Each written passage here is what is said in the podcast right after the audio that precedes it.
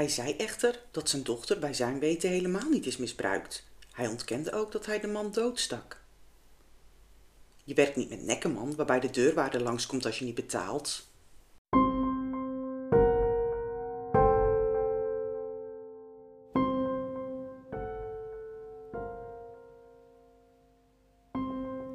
Potcrime aan Zee is dé podcast die duikt in de waargebeurde misdaad van Zeeland. Omdat ook deze gebeurtenissen niet vergeten mogen worden. Potcrime aan Zee is gebaseerd op de beschikbare feiten in het publiekelijke domein. Warning: de verhalen kunnen als schokkend worden ervaren. Mijn naam is Jessica en vandaag is mijn sidekick Salva. Welkom Yeah. Salva. Wat gezellig dat je er weer bij bent. Fijn om er weer te zijn. Benieuwd eh, naar de zaak van deze week? Ik ben razend benieuwd.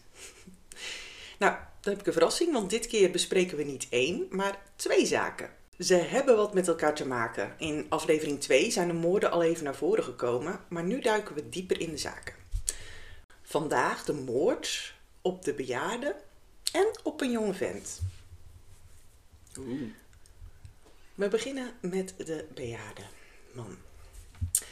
Omwonenden van de IJzerhouwerlaan in Axel hoorden in de nacht van 22 op 23 oktober 2012, dat was op maandag op dinsdag, rond half twee een hond aanhoudend blaffen bij een hondenuitlaatplaats.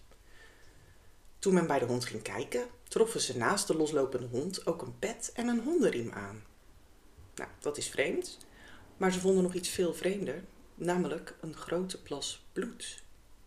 En verder helemaal niks.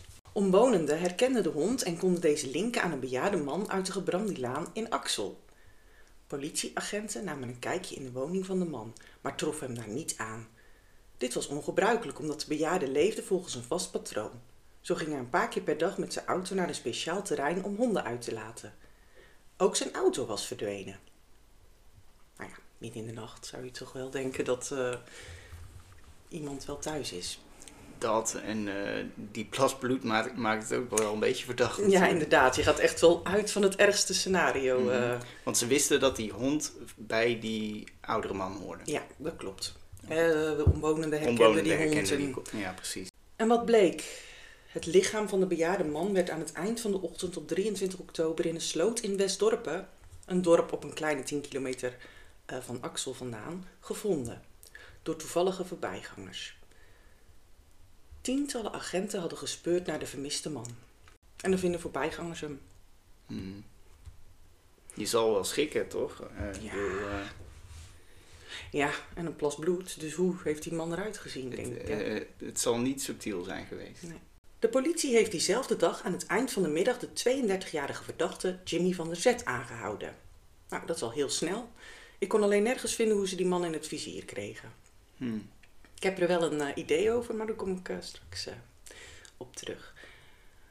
Omdat de auto van het slachtoffer niet bij de aangehouden man is aangetroffen en nog steeds verdwenen was, vermoedde de recherche dat er meerdere daders bij dit misdrijf betrokken waren. De politie vroeg uit te kijken naar zijn grijze Mitsubishi Charisma met het kenteken 10PF-RT. Het stoffelijk overschot is van een 86-jarige man uit Axel, John Smit, wie rond half tien gevonden in een sloot langs een polderweg net op de grens tussen Westdorpen en Zelzaten ligt. De man is volgens de Nederlandse onderzoekers met geweld om het leven gekomen tijdens het uitlaten van zijn hondje in de nacht van maandag op dinsdag en nadien naar deze plek gebracht. Het tv-programma Opsporing Verzocht besteedde gelijk die dinsdagavond de 23e aandacht aan de moord. Het huis van de man aan de Gebrandielaan werd een dag later onderzocht. En die donderdag werd er sectie verricht op het lichaam van het slachtoffer. Later vond men de grijze Mitsubishi Charisma in een straat vlakbij het huis van het slachtoffer. De politie kon niet zeggen of er braaksporen op de auto zaten. De auto stond niet op de plek waar hij hoorde, voor de deur van het huis eh, van John Smith, maar ergens anders. Er is dus iets mee gebeurd en ze onderzoeken nog wat. Sinds zaterdagavond 27 oktober zit ook een 35-jarige man zonder vaste woon- of verblijfplaats vast op verdenking van betrokkenheid bij de moord op John Smith. Het gaat om Georgie J. Maar hoe is meneer Smith nou precies om het leven gebracht? De 86-jarige die onlangs vermoord werd in Westdorpen is op gruwelijke wijze met messteken doodgestoken. Dat zegt het Openbaar Ministerie. De politie heeft nog geen enkel idee waarom de man is vermoord. 2 november zitten Jimmy en Georgie nog steeds vast, omdat ze ervan worden verdacht betrokken te zijn bij de moord. Georgie zonder vaste woon- of verblijfplaats en Jimmy uit Terneuzen. Later die maand wordt een derde verdachte opgepakt, een 36-jarige man. Ook zonder vaste woon- of verblijfplaats. Ze mogen geen contact met de buitenwereld hebben, behalve met een advocaat. Ze zitten dus in beperking. Weet je nog wat het uh, inhoudt? Ja, ja. Dus uh, ze uh, hebben eigenlijk maar heel beperkt contact met de buitenwereld. Het ja. zal waarschijnlijk ook zijn zodat ze geen verhalen af kunnen stemmen en dat soort dingen. Ja. En ze mogen geen bezoek ontvangen, geen kranten lezen, ja. geen televisie kijken, geen bezoek ontvangen. En ze mogen maar een uurtje per dag luchten. Ze mogen zelfs niet met de politie praten. Mm -hmm. Of met niemand in de gevangenis. Op 23 november heeft de 36-jarige man, de laatst opgepakte, bekend. Wat hij precies heeft bekend, kon een woordvoerder nog niet zeggen. Het OM beschouwt de andere twee als hoofdverdachten. Dus Jimmy en Georgie blijven vastzitten. De 36-jarige man werd vrijgelaten en blijkt dus dat de twee hoofdverdachten hoofdverdachten blijven. Zes jaar later wordt bekendgemaakt wat er precies is gebeurd. Nou, daar komt hij. Hmm. John Smith werd in oktober 2012 op gruwelijke wijze mishandeld en vermoord door de, door de aan cocaïne verslaafde Jimmy van der Zet. Hij was toen 32. Hij bedacht het plan om met Georgie J., toen 35, met de auto van het slachtoffer in België op rooftocht te gaan. Om die auto te bemachtigen werd meneer Smit in de nacht van 23 oktober 2012, toen hij zijn hondje in een Axelspark uitliet, overvallen en bruut mishandeld. Vervolgens werd hij in de kofferbak van zijn eigen auto gepropt en vertrokken de twee. Onderweg werd de bejaarde man gemarteld. Uiteindelijk werd Schmidt aan de vissersverkorting bij Westdorpen met 17 messteken om het leven gebracht. Zijn lichaam werd in een droge sloot gedumpt. Nou, ik vraag me dus af, waarom hebben ze die auto weer teruggezet? Ja, uh, en niet per se waar die oorspronkelijk stond. Nee, maar, maar gewoon, zijn ze er überhaupt al mee op roof, rooftocht geweest, vraag ik me af. Ja, en wat houdt zo'n rooftocht dan in? Ja, weet ik ook niet eigenlijk. dat je iets uh, gebruikt voor een ramkraak of zo, ja. kan ik me nog voorstellen. Maar ja. Ik heb geen idee. Ja. Maar die Jimmy werd dus aan het eind van de middag aangehouden. Misschien wel toen hij die auto terugzette. Dat dacht ik. Misschien kreeg ze hem daardoor in het vizier. Ja. Want het is best wel gek, want Jimmy zelf komt uit de neuzen. Mm En uh, die auto zet hij weer terug in Axel. Ja, stond zijn fiets daar dan? ja, of, of zijn auto, maar goed. Of uh, is die, uh, want het is twee uur en een kwartier lopen, is die dan terug gaan lopen? Ja. Hmm. Ik weet het ook niet. Ik vind het heel vreemd. Verdachte omstandigheden in ieder geval. Ja. En ja, um, normaal gesproken zou je zo'n auto dumpen, toch? Dat Als bedoel je ik. Een, misdrijf in hebt gepleegd. Ja. Dus uh, ja, dan had hij waarschijnlijk geen ander vervoermiddel en wilde hij toch enigszins weer in de bewoonde wereld ja. komen. En hij dacht misschien als ik hem nou een beetje in de buurt zet waar die man ongeveer woont, lijkt het net of er niks aan de hand is. Jimmy kreeg na een eis van 15 jaar en TBS uiteindelijk een straf opgelegd van 25 jaar. Dat was, oordeelde de rechtbank in Middelburg, omdat er wel sprake was van een persoonlijkheidsstoornis, maar omdat niet duidelijk was of die invloed had op zijn handelen die bewuste nacht. Die persoonlijkheidsstoornis heeft Jimmy ook niet meer verder willen laten onderzoeken in hoger beroep. Op 16 november 2018 zal hij een strafeis horen. Dan wordt ook duidelijk of het Openbaar Ministerie nog steeds TBS wil voor de verdachte. Medeverdachte Georgie J., die 15 jaar cel kreeg opgelegd, is niet in hoger beroep gegaan. Jimmy ontkende het plegen van de moord, ging in hoger beroep en voerde aan dat de rol van Georgie veel groter zou zijn. Verschillende gevangenen zouden hebben gehoord dat Georgie tijdens een groepsgesprek met geestelijk verzorgers het plegen van de moord bekende. De twee geestelijk verzorgers werden daarom tijdens de behandeling van het hoger beroep als getuigen opgeroepen. Ze weigerden echter om een verklaring af te leggen en beriepen zich op hun verschoningsrecht, tot ontsteltenis van Jimmy. Rechters en de advocaat van Jimmy deden een moreel appel op de verzorgers. Het gaat niet om een winkeldiefstal, maar om een levensdelict, zei een van de rechters. Hij heeft 25 jaar gekregen voor een moord die hij net met klem heeft ontkend te hebben gepleegd. Het mocht niet baten. De verzorgers gaven geen krimp en bleven zich beroepen op hun recht om niets te zeggen over gesprekken tussen hen en hun patiënten. Ondanks de hartekreet van Jimmy in de zaal. Ik ben mijn baan en mijn vrouw kwijtgeraakt. Ik zit al zes en een half jaar onschuldig vast. Weet u wat dat met een mens doet? Toch hielden de therapeuten hun mond gesloten over wat Georgie hen vertelde. Als we dat zouden zeggen, kan geen enkele gedetineerde ons meer vertrouwen, was de uitleg. Nou, um, Jimmy, je hebt zelf toegegeven wat je van plan was hè, met die autodiefstal. Dus zo onschuldig ben je nou ook weer niet met je ik ben mijn baan en mijn vrouw kwijtgeraakt. Ja, je hebt toch wel iets gedaan. Precies. De, wat niet klopt. Maar goed, er zit wel een verschil natuurlijk tussen dat en moord. En moord, ja. En ik snap ook wel dat, dat uh, op zo'n moment probeer je natuurlijk alles uh, uh, te zeggen om, om die mensen te bewegen, die verzorgers ja. te bewegen, om, om, ja, te praten. Om, om te praten. Ja. ja. Ja. Maar helaas. Ze deden het niet. Nee. Nee, het is wel een moeilijke afweging, want je beslist toch over iemand zijn leven. Ja. Ja, heel lastig. Hmm. Maar ja, Georgie kan het gezegd hebben, maar is dat dan ook waar? Het kan ook stoerdoenerij zijn geweest. Of... Precies. Dus ja, misschien hebben zij wel zoiets van... We vertrouwden het toch al niet heel erg. Dat kan natuurlijk ook. Dat zou zeker kunnen. Ja. De raadsman van Jimmy stelt dat Georgie tegen de politie loog en dat hij de rol van Jimmy bewust opklopte om zelf een lagere straf te krijgen. In de rechtszaal probeerde de advocaat de betrouwbaarheid van Georgie en zijn verklaringen onderuit te halen. Het verbijstert hem dat het OM en de rechtbank daar volledig in zijn meegegaan. Georgie had echter voor alle aantijgingen over de betrokkenheid van Jimmy bij de dood van meneer Smit een verklaring, constateerde een van de rechters. Hij zelf was echter stellig. Ik heb absoluut geen moord gepleegd. Ik heb Smit die nacht niet eens gezien. Het Openbaar Ministerie ging daar vandaag echter niet in mee. De advocaat-generaal betoogde dat een celstraf van 25 jaar passend was, gezien de schokkende mishandeling voorafgaand aan de dood van Smit. Oké, dus je hebt het slachtoffer niet gezien. Klinkt heel onwaarschijnlijk. Oké, hij zat wel in die kofferbak dan, maar um, Georgie zou volgens de medegevangenen hebben gezegd dat hij Smit had gedood omdat hij aan zijn dochter had gezeten. Georgie was ook zelf opgeroepen als getuige. Hij zei echter dat zijn dochter bij zijn weten helemaal niet is misbruikt. Hij ontkende ook dat hij Smit doodstak. Hij zou er alleen maar bij hebben gestaan en niets hebben gedaan. Hmm. Ja. Maar goed, dan heeft hij inderdaad echt helemaal niks gedaan. Ook geen melding gemaakt, niks. Uh, maar dat, dat, nemen ze hem toch wel kwalijk. Zoiets. Ja, en terecht. Ja, natuurlijk. Ja, dan ben je sowieso natuurlijk uh, medeplichtig. Ja. Maar het klinkt ook wel een beetje alsof hij hier gebruik probeert te maken van wat mensen niet weten. Dus de, door bepaalde informatie gewoon te ontkennen.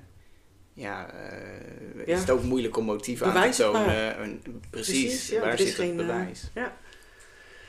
Maar, vraagt de rechter verbaasd, waarom bent u dan niet in hoger beroep gegaan? Ja, als je er alleen maar bij hebt gestaan, dan ga je akkoord met 15 jaar. Stel je voor, jij wordt als verdachte opgepakt. En je hebt het niet gedaan.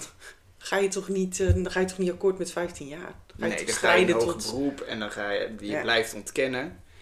Dus in dat opzicht klinkt uh, het verhaal van die Jimmy ook wel aannemelijker. Ja. ja. Dat mag je natuurlijk niet meenemen, maar... Uh, nee, ja, dat is heel lastig. Ja, als je geen bewijs hebt. Het enige wat we weten is dat meneer uh, Smit uh, gruwelijk vermoord is. Ja.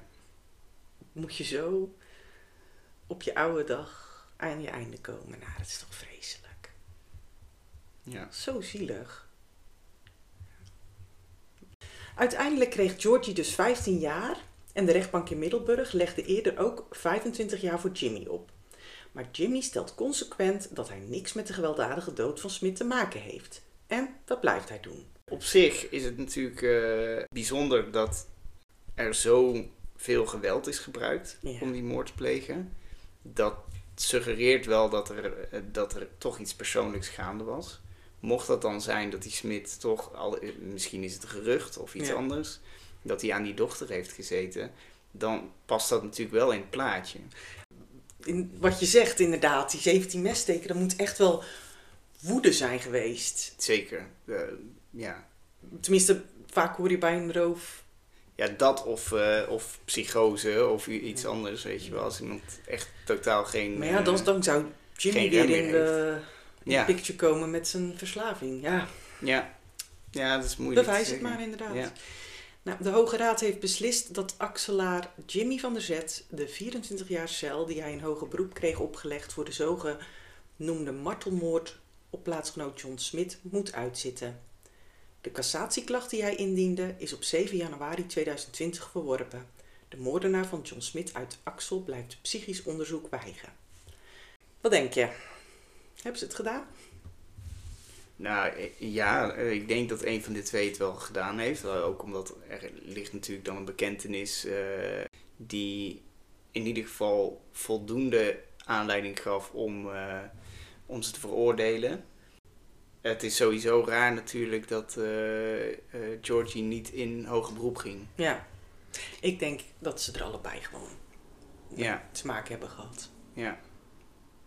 En dan is het afhankelijk van ja eh, ben je bang voor een zwaardere straf als je bijvoorbeeld in hoger beroep gaat? Of ja, wat, uh, wat vind je acceptabel? En ik denk ook een soort angst voor die TBS, hè, het onderzoeken van, uh, van je geestelijke gezondheid. Ja.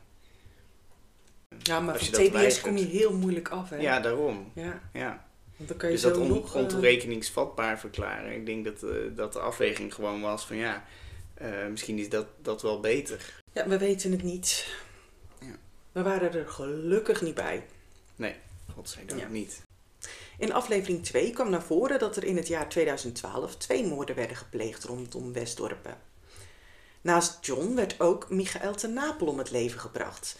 En die gaan we ook bespreken. Het is niet zo dat beide zaken niet vreselijk zijn om alleen um, één aflevering eraan te wijden.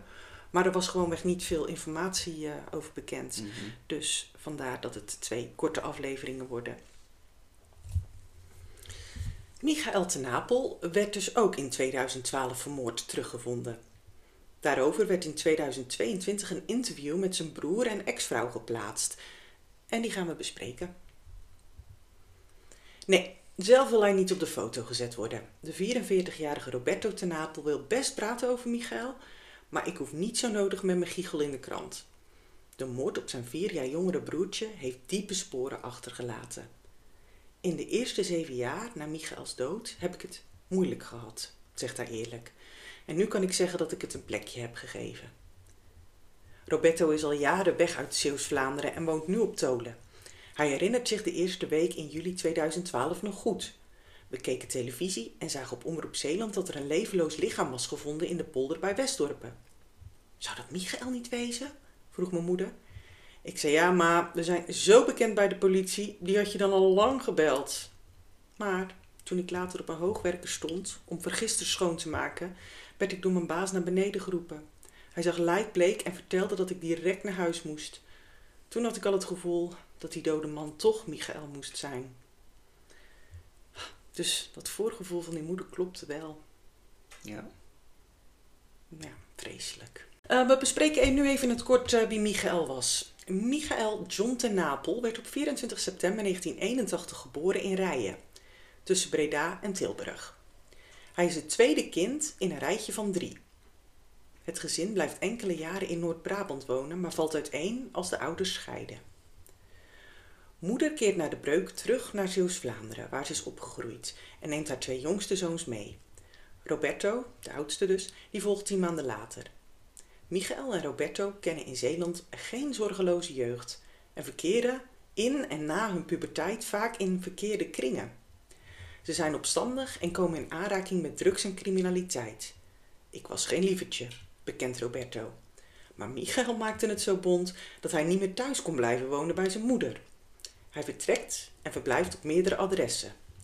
Michael kiest voor een avontuurlijk bestaan en reist als hij begin twintig is af naar Brazilië om er zo'n drie jaar te wonen. Nou, dat is een flinke stap als je nog zo jong bent. Ja, zeker.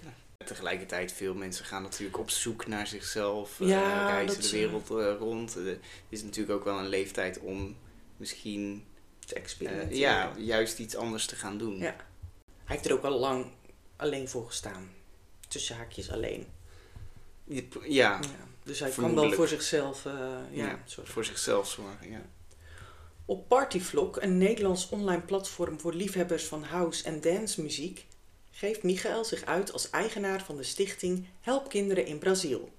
De connectie met het Zuid-Amerikaanse land wordt versterkt als Michael een vrouw ontmoet met wie hij twee dochters krijgt. Deze relatie strandt in 2008.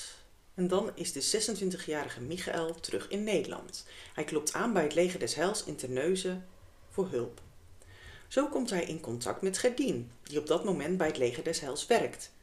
Het toeval wil dat zij al van jongs af aan straatkinderen wil helpen en zo groeit het idee om samen naar Brazilië te reizen om hun droom na te jagen. Het verliefde stel schrijft zich in voor een project voor kansarme kinderen. Ik wist dat Michael twee dochters had in Brazilië, vertelde Gerdien. Toen we daar waren, bleek het niet goed te gaan met zijn eigen meiden en besloten we alles op alles te zetten om ze naar Nederland te halen. Zo veranderde ons reisdoel. Nou, met z'n vieren keren ze dan terug naar Nederland en Michael en Gerdien bezegelen hun liefde met een huwelijk. En samen krijgen ze een zoon. Het gezin woont op dat moment in Middelburg. Kort na de geboorte van onze zoon ging Michael terug naar Brazilië om documenten te regelen, zodat zijn Braziliaanse dochters permanent in Nederland konden blijven, vertelt Gerdien. Maar eenmaal daar kwam hij niet meer terug. Michael blijkt er in Brazilië een andere relatie op na te houden, zo ontdekt de jonge Gerdien. Voor de kinderen doet ze nog een ultieme poging om hem alsnog naar Nederland te halen. Maar de oversteek die zij samen met hun half jaar oude zoontje maakt, levert niets op. Michael wil in Brazilië blijven. Volgens de politie zou hij daar ook contacten hebben in de drugswereld. Juist. Gerdien start een echtscheidingsprocedure, zodat ze verder kan met haar leven. Ik heb ontzettend veel van Michael gehouden en mooie kanten van hem gezien. Op de een of andere manier heeft hij onze liefde niet goed weten te pakken en is het hem niet gelukt om zich aan mij en de kinderen te hechten. Alsof hij niet besefte dat hem genoeg liefde en geborgenheid werd gegund, zegt ze nu. Michael was een lieve vader en in zijn vaderhart zat echt een heel goed stukje. Maar dat was helaas niet fulltime. Je kunt je geliefde niet even parkeren. Ik was teleurgesteld en verdrietig, want dit was niet de droom die we hadden toen we naar Brazilië gingen. Maar ik denk zo, als je je wentelt in boosheid, raak je verbitterd. Daarom ontstond er een punt waarop ik Michael bewust heb vergeven. Anders zou ik niet onvoorwaardelijk van zijn kinderen kunnen houden. En uiteindelijk zijn volwassenen verantwoordelijk voor welke toekomst er voor kinderen wordt gecreëerd. Het is begin 2012 als Michael dan toch terugkeert naar Nederland. Maar bij Gerdien is er dan geen plaats meer voor hem. De geboren Brabander zoekt zijn heil in Zeeuws-Vlaanderen, waar hij weer op verschillende adressen slaapt. Nou, het klinkt wel een beetje als een lapswans. Kinderen maken, geen verantwoordelijkheid nemen, met een ander gaan, daar en daar wonen. Ja, misschien heeft hij wel iemand heel erg boos gemaakt in de relationele sfeer. Zou best kunnen. Ja. ja. Eh, al- alleen al dat je er verschillende relaties op nahoudt. En ja, da- dat kan al voor eh, kwaad bloed zorgen natuurlijk. Precies, ja. Ja, want nu gaan ze natuurlijk uit, hè, omdat hij contacten zou hebben met de drugswereld. Krijg je zo'n tunnelvisie. eh. Ja, het eerste waar je aan denkt is natuurlijk wel dat het een afrekening is. Of dat Ja. iets in die... Maar het kan natuurlijk ook dit. ja, kan het ook zijn. mhm. Zo woont Michael tijdelijk bij een kennis in een huis aan de Vincent van Gogstraat in Axel. Van daaruit stapt hij op 2 juli om 9 uur in de avond in een donkerkleurige Ford K met een Belgisch kenteken. Twee uur daarna belt Michael meerdere keren in de omgeving van de kanaalzone naar alarmnummer 112. De politie achterhaalt welke zendmasten Michaels telefoon hebben aangestraald, maar de gesprekken zelf zijn slecht verstaanbaar. Ja, dus toen was hij in gevaar. Mhm. Anderhalve dag later, op 4 juli 2012, ziet een wandelaar het lichaam van de 30-jarige liggen in een begroeide poldersloot aan de Kapitelstraat. Een agent herkent hem vanuit het straatbeeld. Als de oorzaak in het criminele circuit ligt, had hij zijn afspraken moeten nakomen, vindt Roberto. Je werkt niet met nekkenman, waarbij de deurwaarde langskomt als je niet betaalt. Maar ik weet niet zeker uit welke hoek het komt. Ik ben erg boos op Michael geweest, omdat hij me nooit iets heeft verteld over problemen. Misschien had ik hem dan nog kunnen helpen. Maar als de oorzaken in het criminele circuit lagen, waarom kom je dan in godsnaam terug naar Nederland? Het, het hangt er vanaf waar in het criminele Ja, circuit. dat is waar. Het kan natuurlijk ook zijn dat het in Brazilië fout is gegaan. Ja, en dan vlucht je en eh, En dan komen ze achter je aan. wie weet, En dan lig je in een... eh, als hij hele grote vijanden heeft gemaakt, kan dat natuurlijk. Ja. Maar jij denkt dat het iets zou zijn van voor zijn vertrek naar Brazilië, dat dat... of iets eh, gerelateerd. Maar het kan natuurlijk ook zijn dat hij eh, een eh, lijntje had gelegd tussen Brazilië. Leuke woordspeling. Maar tussen Brazilië en Nederland. En dat dat fout is gegaan. Dat hij contacten had. Ja. je wat ik bedoel? Dat hij naar Brazilië ging, niet alleen voor die relatie, maar dat hij contacten legde om juist in, Naar weer- Nederland te smokkelen. Naar Nederland Ja. drugs te smokkelen, ja. Ja. Dat zou zeker kunnen. Handel zal toch via grote havens lopen. En dan in de buurt van Zeeuws-Vlaanderen zal het Antwerpen zijn. Ja. De politie heeft in 2012 een 41-jarige man uit Sas van Gent aangehouden op verdenking van betrokkenheid bij Michaels dood. Maar hij is wegens gebrek aan bewijs vrijgelaten. Sindsdien zit het onderzoek muurvast en is de moord een cold case. Ik hoop dat mensen toch een keer hun mond open doen, zodat bekend wordt wie het gedaan heeft, zegt Roberto. Ik wil dat het opgelost wordt. Al is het tegelijkertijd ook zo dat ik diegene die het heeft gedaan de rust van een arrestatie niet gun. Ik heb liever dat hij of zij bij wijze van spreken 140 jaar wordt en elke dag in angst moet leven en, en zich af moet vragen of de politie voor de deur staat als de bel gaat. Ik vind dat een zwaardere straf dan in een celletje van 3 bij 6 meter zitten. Oké. Ehm, in angst leven is natuurlijk verder van prettig, maar sommige mensen, zoals moordenaars, Mhm. die geven daar echt geen bal om. Nee. En ik denk dus zeker een moordenaar niet. En die al zulke dingen kan doen. Iemand van het leven beroven. Ja, dat boeit ze dan echt helemaal niks. Ik denk het ook niet. Voormalig partner Gerdien heeft haar leven goed op de rails gekregen. Ze is hertrouwd en leeft met een groot gezin in Vlissingen. Inclusief de Braziliaanse kinderen van Michael en de zoon die ze samen met Michael heeft. Ik was ontgoocheld toen onze droom niet doorging en Michael in Brazilië wilde blijven. Het leven van mij en de kinderen lag aan diggelen. Voor mijn gevoel is er veel meer van me geroofd. Maar zoals ik nu leef, heb ik alles zevenvoudig teruggekregen. We hebben een nieuw leven opgebouwd en Michael is daar nog steeds onderdeel van. Laatst vroegen de kinderen toevallig wanneer papa voor het laatst in Nederland was. Van die periode zijn foto's en die heb ik er toen bijgepakt. Zo'n moment mag er zijn. Na alles wat er is gebeurd, genieten we samen van kleine dingen en sta ik onbevangen in het leven. Ik hoop dat de kinderen later kunnen zeggen dat hun voorgeschiedenis hen gevormd heeft, maar niet onderuit gehaald heeft. Dat ze met volle teugen kunnen genieten van wat het leven te bieden heeft. Nou, wel echt prachtig dat die vrouw voor die kinderen zorgt. En Ja, ja, oké, dat was natuurlijk altijd al haar droom, maar dat ja, ik vind het Ja, maar je, je kunt ook eh, toch een bepaalde rancune of afstand voelen tot die kinderen, omdat het eh, misloopt. Precies, dat zou kunnen. Ja, Maar dat heeft zij dus niet. Ze zorgt er echt voor. Dat is Ja. echt eh, heel mooi. Ehm Michael ten Napel staat ook op de cold case kalender, net als Sabrina Pellison, aan wie we in aflevering 6 aandacht hebben besteed. Wat denk jij? Drugscircuit of heeft de politie in deze een enorme tunnelvisie? het meest aannemelijk lijkt toch wel eh, eh, die drugstheorie. Ook omdat het, eh, ehm, het onwaarschijnlijk zou zijn dat iemand die familie is van de relatie die hij in Brazilië had, dat hij naar Nederland komt, daar een Belgische auto met kenteken regelt. Eh, ik weet, ja, of dat heeft niks met elkaar te maken, dat kan natuurlijk. Hè? Ja, maar hij kan ook een liefje hier in Teneus hebben gehad. Of in, Dat kan ook. ja. Ja, als hij toch met iedereen... eh, ja dat zou natuurlijk kunnen dat, eh, dat er op een gegeven moment iemand het gewoon genoeg vindt. Ja. Maar we weten ook niet zo heel veel over, maar ook hoe die is teruggevonden. Oh, of die is eh, neergeschoten of... eh, Bijvoorbeeld, ja, want mes dat, steken om het leven. Ja. dat, soort informatie kan natuurlijk best wel veel zeggen over ja, wie het gepleegd zou hebben. Precies, als die dus neer is geschoten, dan ga je eerder uit van een liquidatie criminele circuit. Precies, ja. En als die echt, ja, Is het kill of is het zeg maar, eh, ehm, ja, echt Passion. een, ja, een, crime passionnel. ja, wie wie. oui.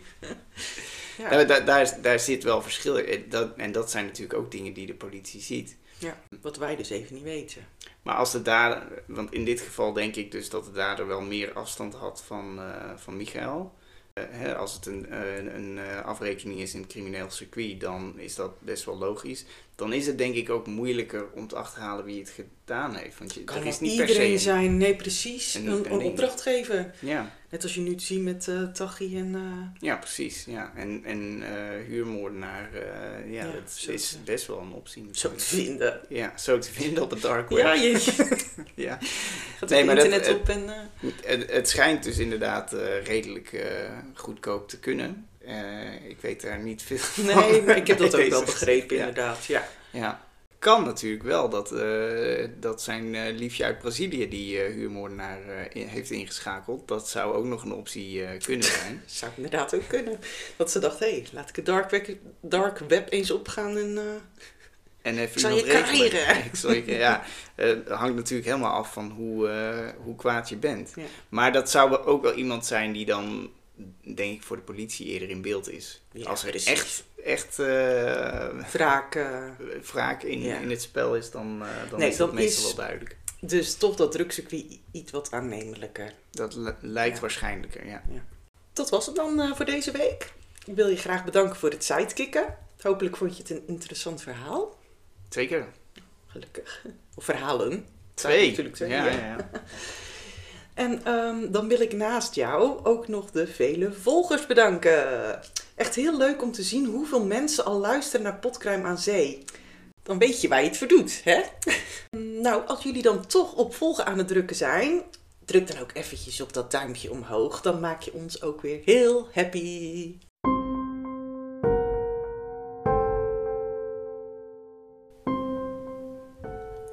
Graag wil ik hierop wijzen dat het beeldmateriaal die bij de aflevering hoort te vinden is op het Instagram-account potcrime aan zee. Mocht je nou graag luisteren naar Potcrime aan Zee en wil je niks missen, klik dan op volgen. Dit hebben al veel luisteraars gedaan, daarvoor mijn dank. Heb je vrienden die ook van true crime houden of vrienden die ook uit Zeeland komen? Deel dan Potcrime aan Zee met ze. Deze is te beluisteren op Spotify, Podimo en Apple Podcast. Ik ben geen professional, maar iedere week zullen er verbeterpunten te horen zijn. Bedankt voor het luisteren en graag tot volgende week.